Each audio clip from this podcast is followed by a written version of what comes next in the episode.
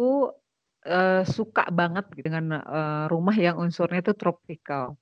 Tropikal dan open space, jadi kayak berasa lagi di villa gitu.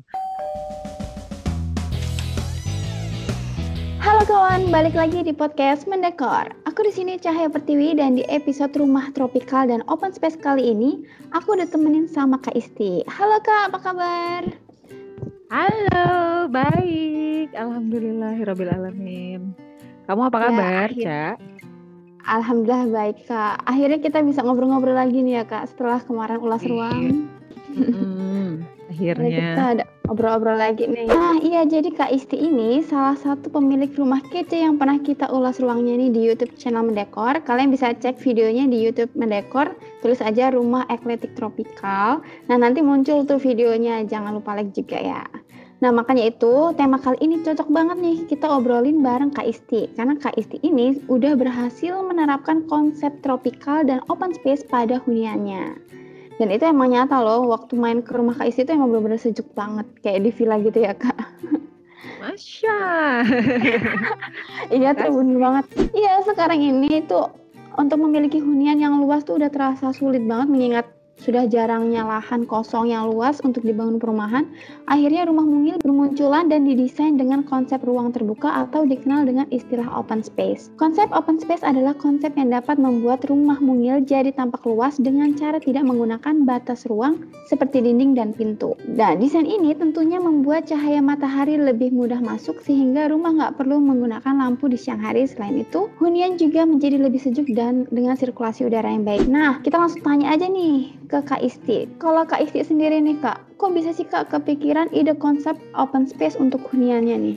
Jadi memang aku, eee, suka banget gitu ya, eee, dengan, eee, rumah yang unsurnya itu tropikal.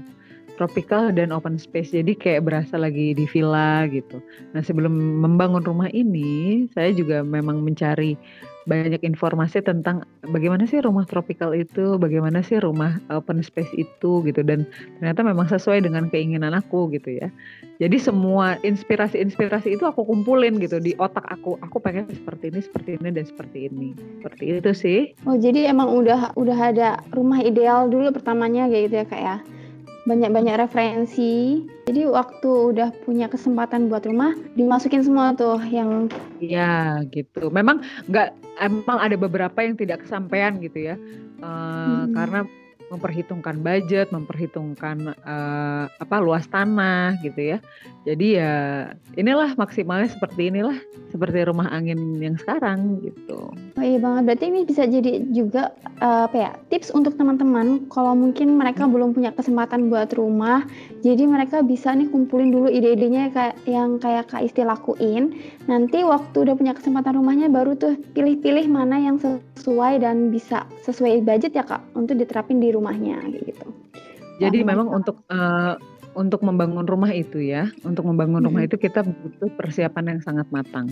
Iya Kak. misalnya kita tidak menggunakan jasa arsitek, tapi, eee, minimal kita, eee, harus matang dalam referensinya dan kita bicarakan dengan kontraktornya. Karena nanti kalau misalnya, eee, tidak sesuai ekspektasi kita kan itu, eee, banyak cost yang keluar kan gitu loh. Banyak Oh cost yang iya keluar dan terus, eee, tidak sesuai, nggak sreg gitu. Banyak budget-budget yang, eee, di luar, eee, ekspektasi dan bentuknya tidak tidak sesuai dengan ekspektasi gitu. Jadi memang kalau membangun rumah itu memang perlu, eee, pembahas pembahasan yang secara matang antara si, eee, kontraktornya atau arsiteknya dengan owner-nya gitu. Karena kebetulan, eee, rumah angin ini tidak menggunakan jasa arsitek ya, jadi kita untuk layout-nya, eee, memang kita sendiri yang menentukan gitu loh. Kita yang sendiri yang gambar, kita bicara pengennya seperti ini seperti ini. Tapi untuk fasadnya, kebetulan kami Mhm. di di rumah di klaster itu kan, eee, mereka memberikan, eee, gambaran yang, eee, apa namanya, mereka punya standarnya.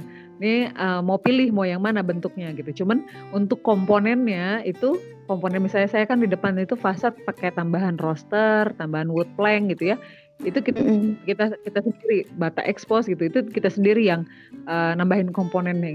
Seperti itu Mbak Caca.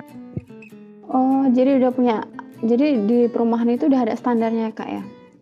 Ya, udah ada standar fasad ya, fasad ya. Kalau layout boleh Hmm. bebas. Kak Isti, gimana sih cara menentukan layout yang tepat gitu untuk rumah open space yang ideal? Oke, jadi memang aku tuh basicnya memang tidak ada arsitek atau di, eh, desain interior ya. Gitu. Dulu memang hampir mau masuk eh, fakultas itu, tapi malah nyasar ke psikologi. Tapi memang ketertarikan aku di bidang di bidang arsitek atau desain interior itu sebenarnya tinggi sekali gitu. Jadi bagaimana ya? Aku tuh memang sudah eh, punya punya eh, punya impian nih rumah aku tuh akan seperti ini jadinya. Nih aku akan begini, komponennya akan begini. Itu sebelum bangun rumah jauh sebelum bangun rumah itu aku sudah punya my dream house gitu loh. Di handphone, di note itu aku tulis my dream house. Aku punya, aku pengen ada komponen A, B, C sampai pohon-pohonnya, sampai depannya, sampai tamannya, sampai backyardnya. Semua aku tulis komponennya gitu. Jadi pas ada ada rezeki membangun rumah, aku aplikasikan semuanya. Nah memang ja, uh, untuk yang tidak punya background sama sekali di bidang arsitek, itu memang harus banyak-banyak uh, berkomunikasi dengan orang-orang uh, yang paham gitu ya. Ataupun mencari referensi banyak-banyak referensi uh, di internet di Pinterest di mana pun ya. Nanti itu dibicarakan dengan kontraktornya gitu loh dibicarakan dengan kontraktornya saya pengen seperti ini. Dan memilih uh, kontraktor dan tukang-tukang yang bagus itu sebenarnya pilihan paling utama. Jadi nggak uh, apa-apa kita bayar mahal sedikit yang penting pekerjaannya tuh bagus gitu loh.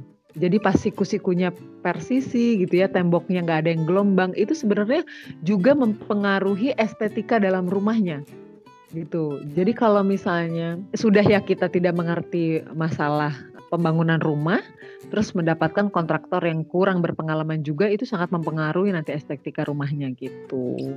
Iya juga sih kak, benar ya kak. Berarti kalau misalnya kita emang belum mahir di bidang itu, ya kita harus menggait orang yang udah benar-benar mahir ya kayak jadi ya balance ya. lah jadi bisa ngimbangin gitu ya kak. ya sudah berpengalaman hmm, ya, ada berpengalaman jadi apa yang disampaikan kak Isti itu mereka nangkep, nah, nangkep. ya benar banget.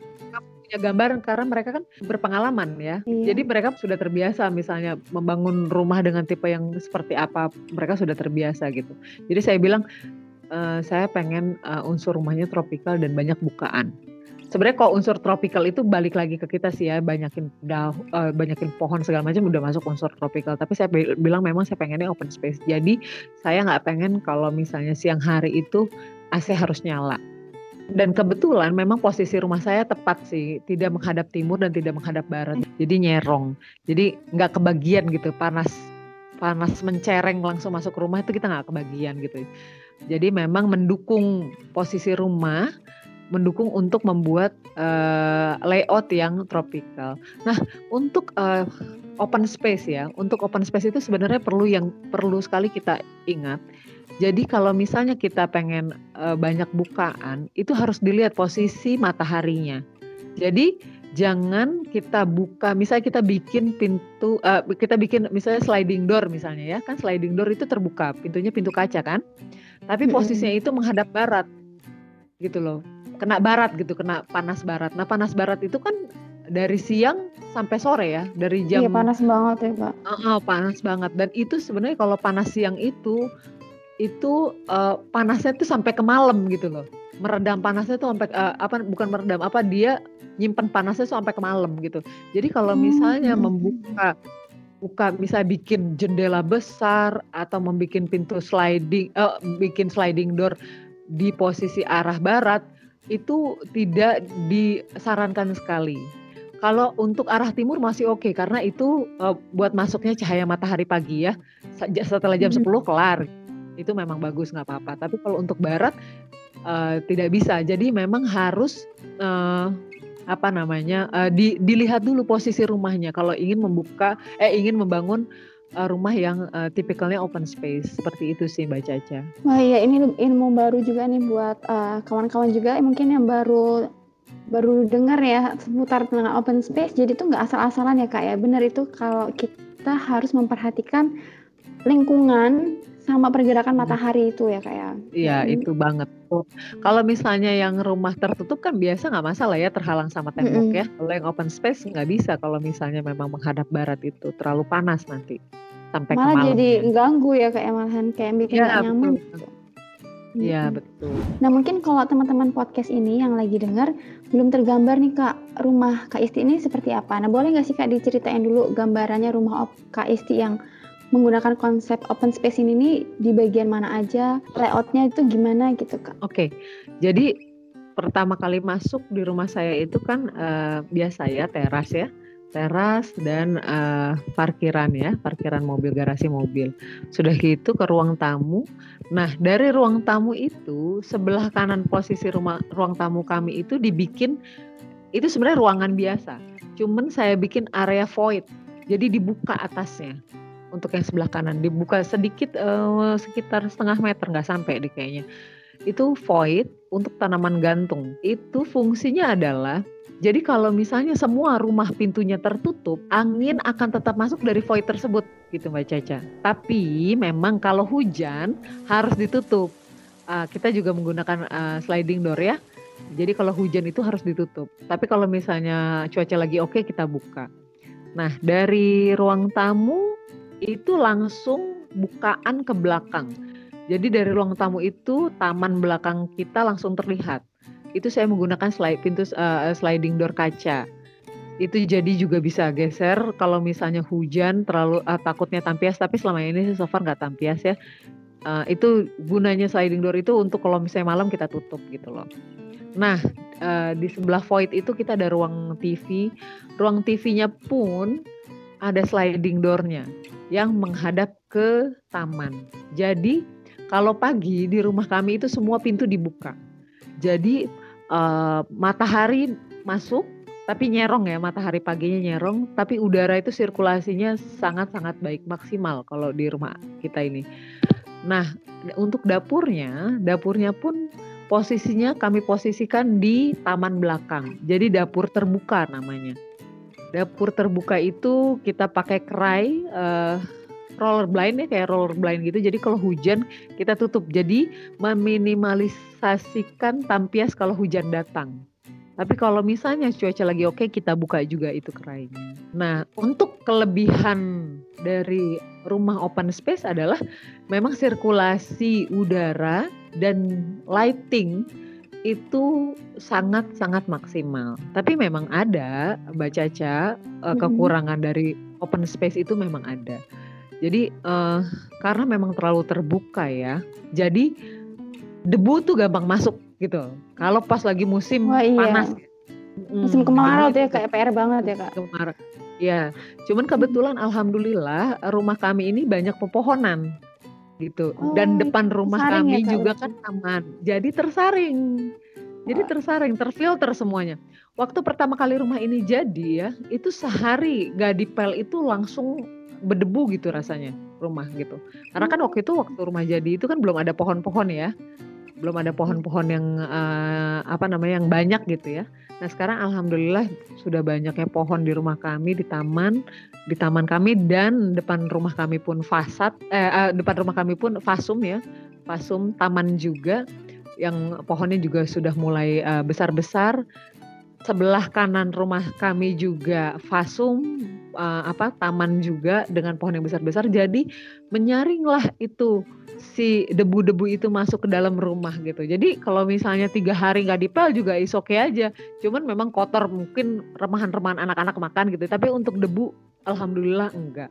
Jadi sebenarnya uh, untuk uh, tipe yang open space itu ada baiknya memang kita meng, uh, menanam banyak pohonan-pohonan besar. Nggak usah besar-besar hmm. banget sih takutnya kan kalau rumahnya kecil uh, tidak memungkinkan ya ada pohon-pohon yang besar-besar gitu ya. Tapi baik dengan menanam uh, tanaman-tanaman pohon-pohon yang filtrasi. Dia ada ada ada ada tanaman-tanaman indoor juga yang bisa memfiltrasi udara-udara di dalam rumah misalnya sansifera itu kan uh, tidak uh, apa namanya ya tidak perlu perlakuan khusus gitu ya Nah, dan pohon-pohon yang bisa ditanam di taman-taman itu itu benar-benar memfilter debu yang masuk ke rumah gitu Mbak Caca. Wah iya, berarti emang itu ya kak sudah terbukti untuk manfaat penanaman pohon atau konsep tropikal itu sendiri dan penggunaan open space ya kak. Dari tropikal itu yang kata kak Isti tadi bisa menyaring debu terus juga bikin apa ya nuansa lebih sejuk. Dan ketika kita menggunakan open space juga selain apa ya membuat sirkulasi udaranya tuh ibaratnya vertical ventilation gitu ya kak. Jadi udaranya masuk terus langsung keluar. Jadi itu keluar yes. Pergantian udaranya tuh uh, uh, secepat itu gitu loh kan. Kalau misalnya kita hanya ada pintu di depan dan belakang semua area tertutup angin tidak bisa keluar lagi gitu. Itu yang menyebabkan uh. kenapa udara di rumah tuh panas dan uh, pengap gitu ya lembab gitu.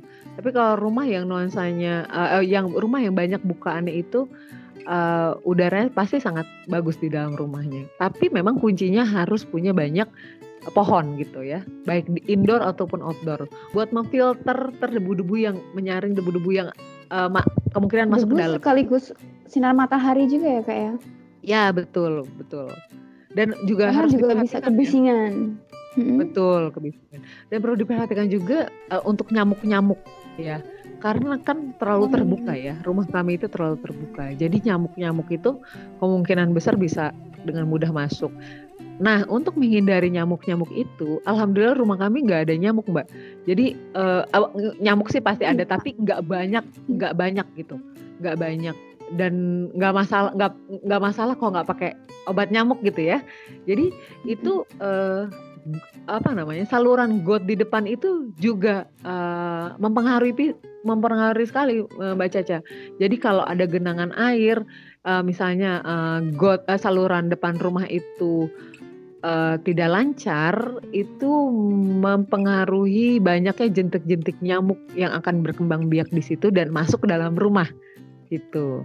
Jadi hmm. kalau uh, apa namanya saluran air di depan itu itu kita lancar bagus tidak ada air menggenang itu kemungkinan rumahnya tidak akan ada nyamuknya gitu wah ini juga banyak juga kan ya kak tanaman-tanaman yang bisa apa ya untuk serangga juga kan banyak ya kayak ya? iya lavender gitu itu kan untuk hmm. untuk untuk kayu putih yang kecil-kecil pohon kayu putih yang kecil-kecil juga banyak sekarang untuk menghidrat tapi sebenarnya nggak usah pakai itu pun kalau hmm. uh, drainase di rumah kita baik, uh, insya Allah nggak akan ada nyamuk sih. Oh ya satu lagi ada yang nanya, uh, emang kak dapurnya kebuka kayak gitu emang tikus nggak masuk ya gitu? Oh iya tuh kak, nggak masuk. Kak? Nah iya itu. Jadi uh, karena kak saya juga belum terlalu lama ya tinggal di sini ya. Uh, tikus mungkin pasti ada ya di luar gitu ya.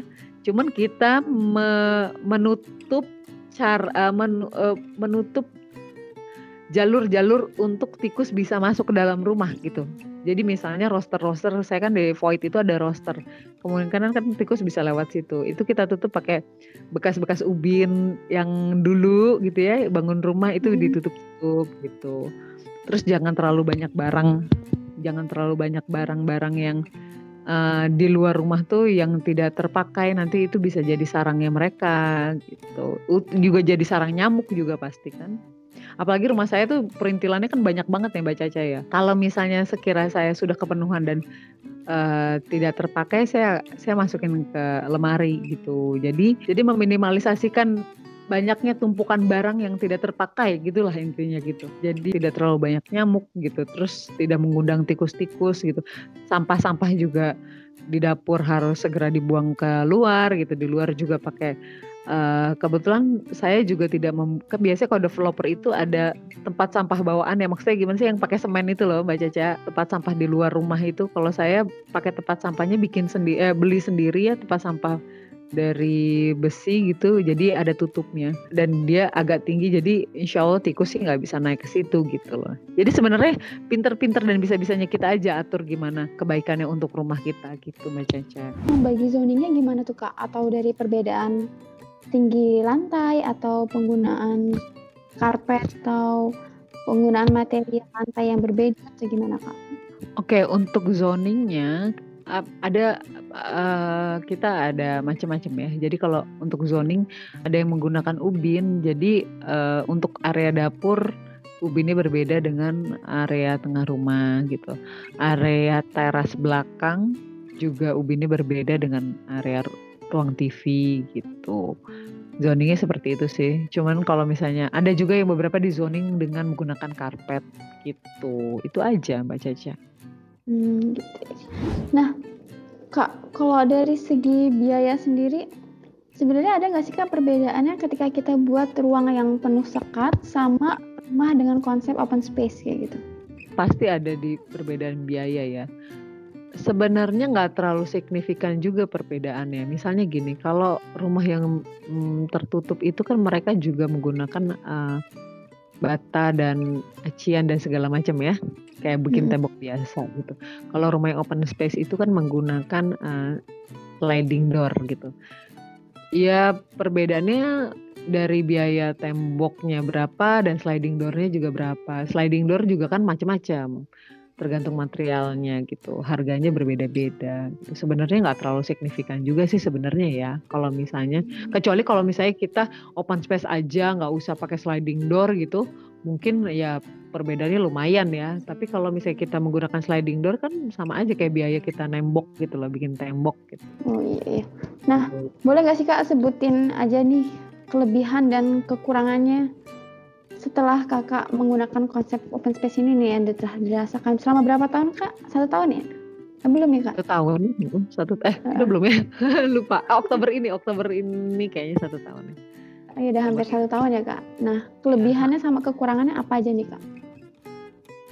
Oke, kalau untuk kelebihannya seperti yang tadi aku udah bilang, kelebihan itu memang kita mendapatkan nah, sirkul sirkulasi udara itu memang sangat baik gitu mendapatkan sinar matahari juga de dengan baik, rumah juga terasa sejuk. Kekurangannya mungkin memungkinkan binatang-binatang bisa masuk gitu. Ya, tapi kalau kita mengantisipasi dengan baik, insya Allah uh, tidak akan terjadi gitu. Makanya saya bilang tadi mengantisipasi banyaknya uh, nyamuk dikurangi barang-barang yang tidak perlu dan drainase di depan itu saluran saluran airnya di got depan harus baik, tidak ada air menggenang, tidak ada tumpukan sampah gitu. Uh, jadi tidak mengundang lalat masuk rumah. Terus uh, tidak banyak makanan-makanan sisa, jadi tidak mengundang uh, datangnya tikus. Ya seperti itu Mbak Caca. Dan untuk uh, biar rumahnya tidak terlalu berdebu, uh, tanamlah tanaman yang banyak di rumah gitu yang sesuai porsinya sih cuman kan kalau tanaman selera ya. Tanaman selera. Kalau saya memang lebih prefer uh, tanaman hidup dibandingkan artificial gitu loh. Jadi kalau eh, hidup tuh kayaknya ada nyawanya gitu. Dia mengeluarkan oksigen dia menghirup karbon dioksida dan segala macam gitu seperti kayak manusia aja gitu maksudnya. Jadi uh, di saat siang kita menghirup oksigen dari tanaman-tanaman itu makanya rumahnya kan jadi sejuk gitu mbak Caca selain itu juga pasti membuat ruangan jadi lebih luas ya kak ya betul Kalau open space ini. jadi lebih luas yes karena uh, kebetulan tanah kami kan hanya 135 ya uh, memang sudah sudah jarang sekali banyak tanah-tanah besar di daerah-daerah Jakarta, Tangerang dan sekitarnya karena memang kebetulan um, tanah harganya sudah mahal ya gitu. Uh, hmm. Jadi uh, untuk mensiasati rumah terlihat lega, terlihat luas itu memang uh, menggunakan konsep yang open space gitu. Nah, berarti juga kan kalau konsep open space ini aktivitas juga kita bisa lebih apa ya kak, lebih terbuka gitu kali aktivitas bersamaan dalam satu hmm. ruangan gitu ya kak ya. Dan pastinya iya, kalau lagi kumpul-kumpul open space ini benar-benar ruangan yang apa ya cocok gitu ya kak. Kalau lagi ada kumpul keluarga karena aktivitas masak sambil ngeliatin anak main-main suami sambil hmm. kerja juga. Gampang mengkontrol uh, oh iya benar. Controlling rumah gitu ya kondisi rumah gitu ya. Gampang gitu ya. Jadi misalnya hmm, ngelihat mm-hmm. kita lagi masak anak lagi ngapain nih gitu. Itu kan kelihatan. Tapi kalau rumah yang banyak sekatnya kan nggak kelihatan gitu harus teriak-teriak gitu Iya bener banget. Ibu kadang sibuk masak, eh anaknya nyemplung kolam gitu kan. Iya kan ngeri ya. Kalau ini, kan, ini bisa lebih ke kontrol. Ya. Udah kelihatan. Oh anak kita anak kita lagi di ujung sana udah kelihatan. Dan kebetulan di uh, kamar aku sebelahnya kan balkon. Waktu pas tim mendekor datang itu kan balkonnya belum jadi ya. saya lagi nge, saya lagi ngebayang-ngebayang ini balkonnya yang sebelah kamar itu loh Mbak Caca. Oh iya. Di atas itu kan balkonnya belum jadi kan, maksudnya bukan belum jadi, belum didekor gitu loh. Saya masih ngebayang ini mau saya dekor apa. Nah sekarang kan udah udah jadilah taman kecil di sebelah kamar saya itu, jadi bisa jadi healing space lah tempat relaksasi jadi bisa buat tempat ibadah karena di rumah kami kebetulan tidak ada musola jadi bisa sholat di situ bisa belajar di situ kan itu outdoor juga kan balkonnya outdoor Oh, gitu saya iya. pakai tetes dan saya pakai tanaman-tanaman di situ. Gitu. Itu juga jadi dari kamar bisa langsung eh, posisinya bisa langsung lihat ke taman. Jadi memang eh, rumah ini didesain sa- seperti eh, villa sih sebenarnya. Jadi kita di rumah tuh homey gitu loh. Rumah itu homey gitu. Jadi nggak Hmm. perlu jauh lah di rumah aja pikniknya. Wah, keren banget nih emang rumahnya Kak Kak Isti. Buat teman-teman follow dong jangan rumah angin. Iya, Instagramnya apa tuh Kak? Biar teman-teman follow Rumah rumah eh, rumah underscore angin. Tuh di follow ya. Di follow Instagramnya. Kalian kalau mau kepoin karena rumahnya Kak Isti itu menarik banget. Kak Isti itu berani banget menggunakan warna-warna cerah ya Kak. Tapi warna-warna cerahnya Iya. ini bener-bener harmonis gitu loh jadi buat kawan-kawan buat kawan-kawan yang apa ya masih merasa takut untuk menggunakan warna-warna cerah kayak gitu bisa belajar dari Instagramnya Kak Isti ini karena rumah angin udah menerapkan ekletik konsep ekletik ya Kak tropical, Ya, open space semuanya tropical. pokoknya kombinasinya tuh pas banget gitu loh.